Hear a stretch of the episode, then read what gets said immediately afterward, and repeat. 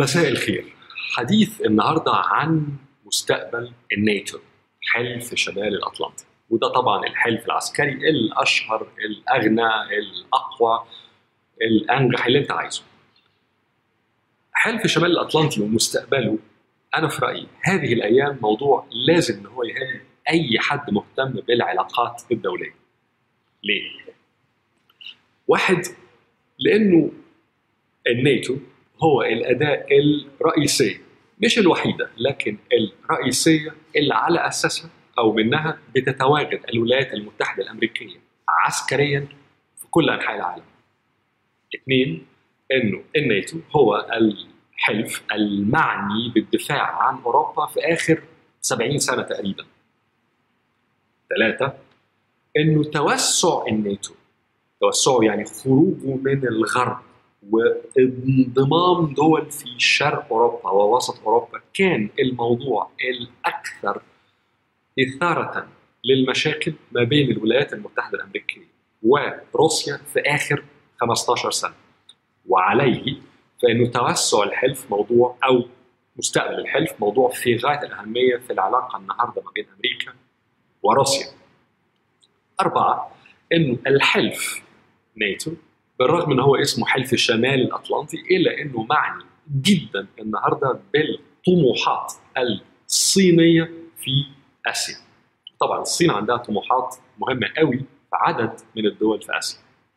كل النقط دي تخلي مستقبل هذا الحلف مهم قوي لأي حد مهتم بالذات بالجيو استراتيجي أو الشؤون الدولية القائمة على الجغرافيا السياسية.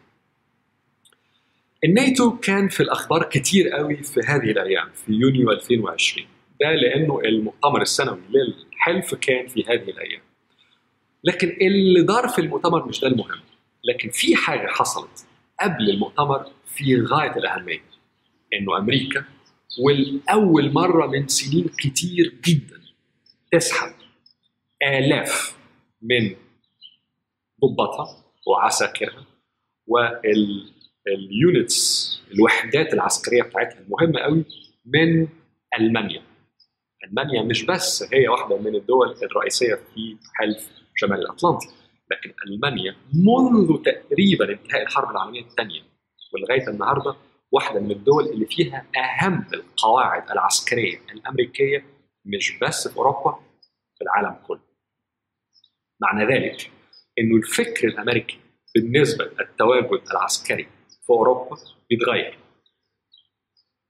ده مفتاح منه ممكن نفكر في مستقبل الناتو ويقول لنا إيه على الأربع نقط اللي أنا قلتهم في الأول. تعال ناخد المفتاح ده وهو فكر أمريكا بالنسبة لمستقبل حلف شمال الأطلنطي. هنا أنت قدام رأيين. في رأي بيقول ان والله حلف شمال الأطلنطي الناتو هو واحد من أهم الأدوات التي خلقتها الولايات المتحدة الأمريكية بعد نهاية الحرب العالمية الثانية عشان تثبت السيادة الأمريكية على العالم أو ما عرف وقتها بالباكس أمريكانا النظام العالمي اللي الولايات المتحدة الأمريكية تقوده إلى حد بعيد.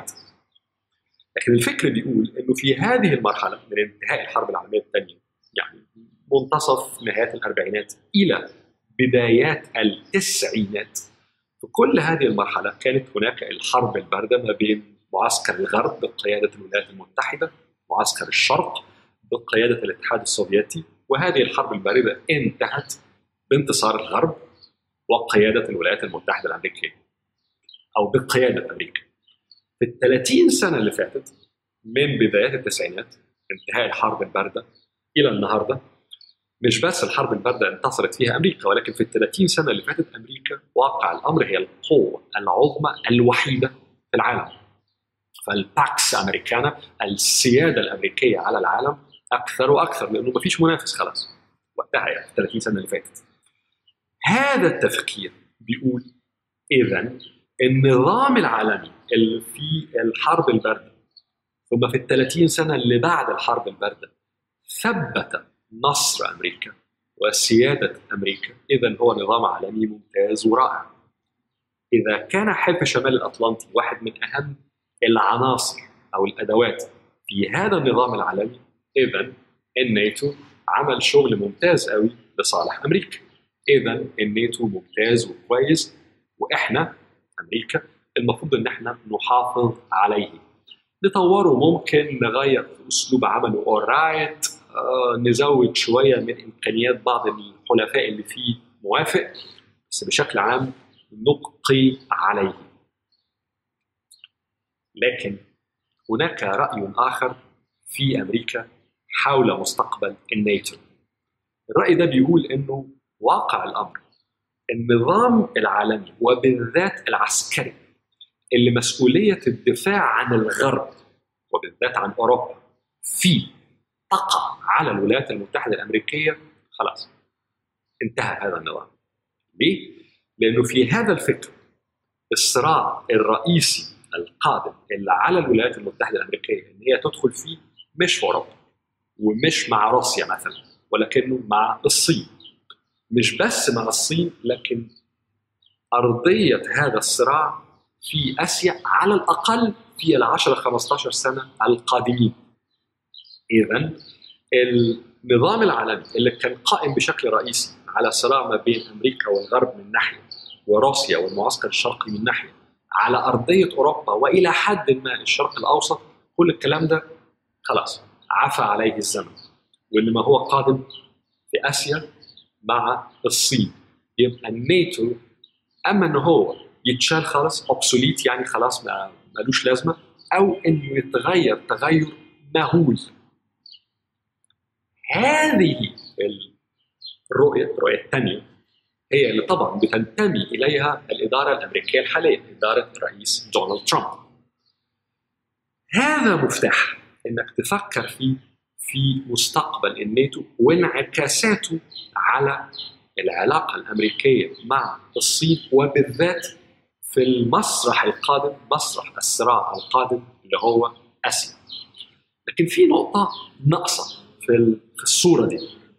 هذه النقطة هي المعسكر الأولاني في أمريكا اللي بيقول نطور في الناتو وندي شوية نزود مثلا الإمكانيات المادية بتاعة الحلفاء إنه مثلا يعني ألمانيا تصرف زيادة شوية على ميزانيات الدفاع إنه بعض دول أوروبا الشرقية يبقى فيها قواعد أهم حبتين نزود القدرات العسكرية لبعض الحلفاء الأوروبيين. كل ده بيخلي الوضع كما هو لكن بيطور بيحسن.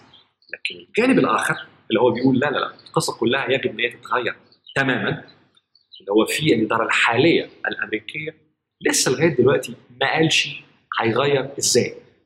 ولو شال الناتو مين هيجي مكانه؟ إزاي هيغيره تماما؟ هيعمل فيه ما يعرف بالاوفر هول يغيره تماما.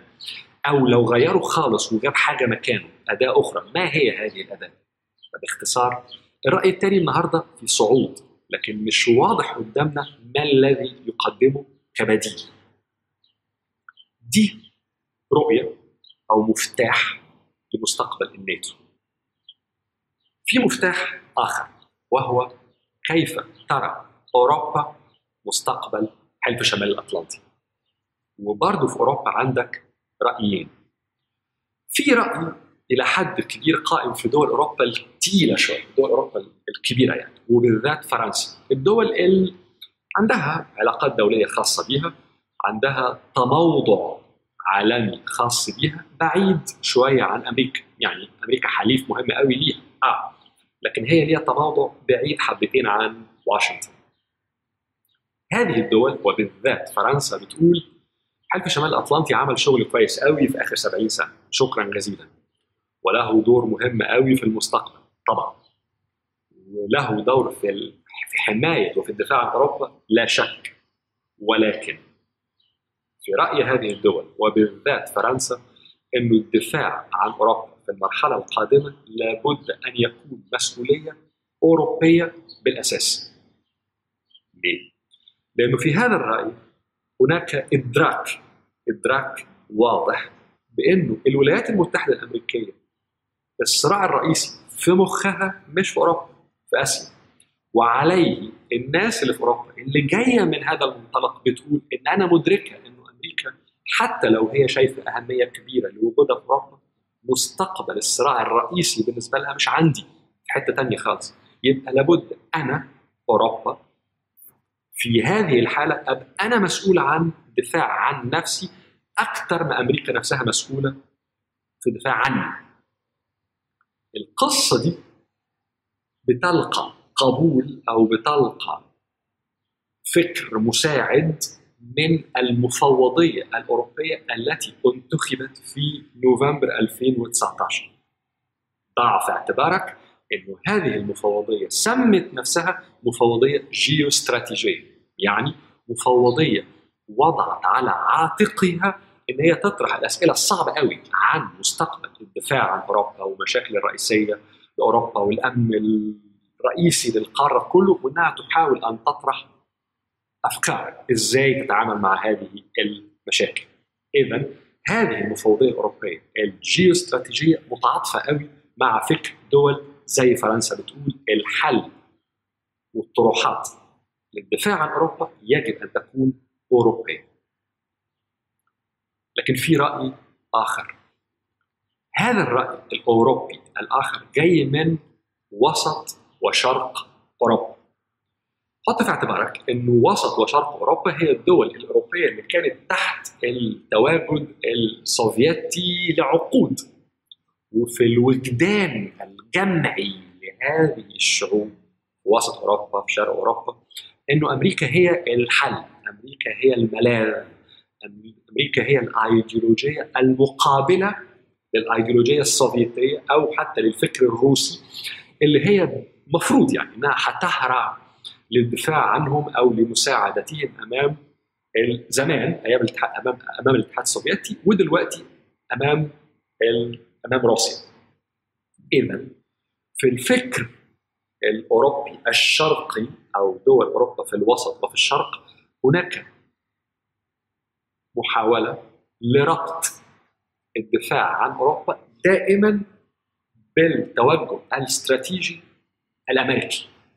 اذا في فكر الدول دي إنه لابد إنه الدفاع عن أوروبا يبقى بشكل رئيسي مسؤولا عنه الناتو حلف شمال الأطلنطي. هنا أنت عندك رؤيتين مختلفتين في أوروبا. لكن برضه في مفتاح ناقص لو بتبص على مستقبل أوروبا من ناحية أوروبا على مستقبل الناتو حلف شمال الأطلنطي من زاوية أوروبا برضه عندك حتة في البازل حتة في الصورة اللي قدامك ناقصة إيه هي؟ ألمانيا. ألمانيا. ليه؟ ألمانيا هي الدولة الأغنى في أوروبا، هي الاقتصاد الأكبر، وهي الدولة السياسية الأثقل. موقف ألمانيا من مستقبل حلف شمال الأطلنطي لغاية النهاردة مش واضح قوي. وبالذات إنه في 2021 خلاص يعني السنة القادمة هناك قيادة جديدة في ألمانيا لأنه أنجلا ميركل خلاص هتنتهي فترة قيادتها الألمانية. فأنت أمام وقتها قيادة ألمانية جديدة لسه مش ظاهرة معالم تفكيرها ومن ثم الثقل الألماني هيبقى مع الرأي الأول ولا مع الرأي الثاني في أوروبا لسه مش واضح الصورة الثالثة اللي ممكن تبقى مفتاح لينا للتفكير في مستقبل حلف شمال الأطلنطي هو الفكر من داخل الحلف نفسه.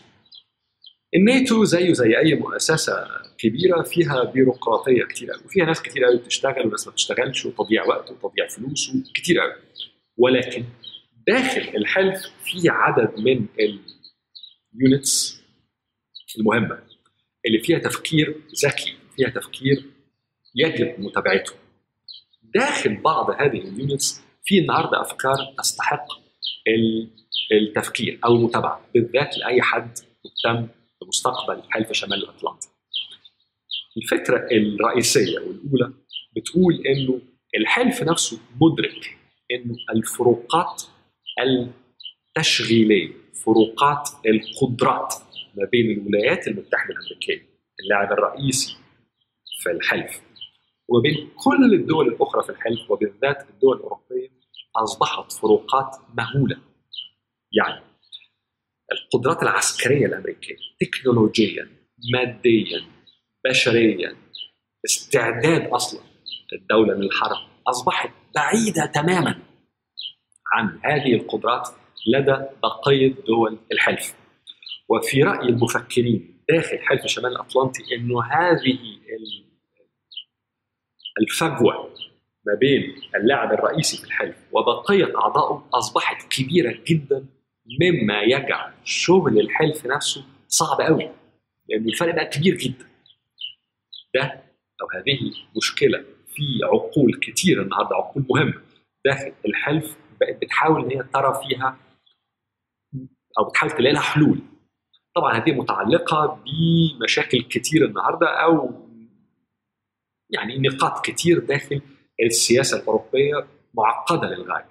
لكن هذه النقطة هذه الفجوة الكبيرة ما بين أمريكا وأوروبا مفتاح من داخل من داخل مفكري الحلف مفتاح لإزاي واحدة من أهم المشاكل التشغيلية داخل الحلف ممكن جدا تؤثر على وجوده. في ال 15 10 15 سنة القادمين. النقطة الثانية متعلقة بفكرة النهارده لها نفوذ أو لها صعود كبير داخل دوائر مهمة في الحلف وهي فكرة total war الحرب الشاملة والفكرة هنا مش مقصود بيها إنه الحلف هيدخل في حرب شاملة مع الصين مثلا لا بالعكس لأنه الحرب العسكرية مستبعدة ما بين الحلف وروسيا والحلف والصين إنها مستبعدة جدا بحكم القدرة التدميرية المهولة للناحيتين بحكم امتلاك الناحيتين أسلحة نووية. تجعل الحرب العسكرية المواجهة العسكرية مستبعدة للغاية. اذا فكرة المواجهة بقت تأخذ الصعده مختلفة. أهم هذه الأصعدة هي تكنولوجي تجاره دوليه القدرة على التأثير في التجارة الدولية القدرة على التأثير في القرار الاقتصادي لدول مختلفة بالذات في آسيا لكن أيضا في جنوب أوروبا وأيضا في الشرق الأوسط وأيضا في أفريقيا لكن مرة ثانية بشكل رئيسي في آسيا. ونمرة خمسة الجانب الثقافي أو الجانب المعروف بالقوى الناعمة إنك إزاي تؤثر في فكر اتجاهات الثقافة اتجاهات الإعلام ميول الناس بشكل رئيسي. يعني إيه النقطة دي كلها؟ معناها إنه في النهارده يونتس داخل حلف شمال الأطلنطي ترى إنه سواء الاستراتيجية استراتيجية المواجهة مع روسيا أو مع الصين فيها استبعاد شديد للمواجهة العسكرية اذا المواجهة القادمة مع الاثنين دول وبالذات مع الصين الإمبراطورية الصاعدة هتكون متعلقة بكل هذه الأصعدة. ممكن حد يجي يقول لا طب حلف شمال الأطلنطي ده حلف عسكري ماله هو؟ ومال التجارة والقوى الناعمة والتأثير في مراكز الفعل والفكر في دول مختلفة؟ ده هو شغله الرئيسي في الواقع قائم على لأنه الحرب العسكرية يتم استبعادها إزاي؟ يتم النصر في مواجهة كبرى total war مع هذه الدول مع هذه ال competitors المنافسين في كل هذه الأصعدة. ليه النقطة دي مهمة؟ لأنه أي حد مهتم النهارده بالعلاقات الدولية وبالذات بالجيو استراتيجي قدامه كتابات خارجة من units مهمة داخل الناتو تتكلم على إزاي الحلف بيفكر في هذه الأصعدة في تفكيره في المواجهة الكبرى مع روسيا وبالذات والأهم مع الصين. عشان نلم الموضوع هناك أهمية كبيرة لمستقبل حلف شمال الأطلنطي لأي حد مهتم بالاستراتيجي وبالذات الجيو استراتيجي بالعلاقات الدولية بشكل عام كمان. لكن في مفاتيح إزاي تفكر في موضوع الناتو وبالذات حسب أنت اهتماماتك بإيه. لو مهتم بالفكر الأمريكي وبالذات بالاستراتيجية الأمريكية الدولية هناك مفتاحين رؤيتين داخل أمريكا لمستقبل الحلف.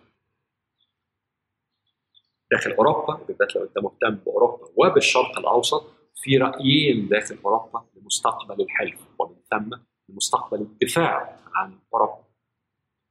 ومن داخل لو أنت مهتم بالفكر بيسموه ال absolute thinking كده الفكر في المطلق الفكر الدفاعي في المطلق والفكر الاستراتيجي في المطلق في في ال domain بتاع المواجهة الكبرى ما بين الغرب بقيادة الولايات المتحدة الأمريكية والصين أو المواجهه أصغر شويتين مع روسيا ففي الصاعدة المختلفة بره نطاق الحرب العسكرية. وهنا في كتابات مهمة حول إزاي الغرب ممكن إنه ينجح في هذه الأصعدة المختلفة.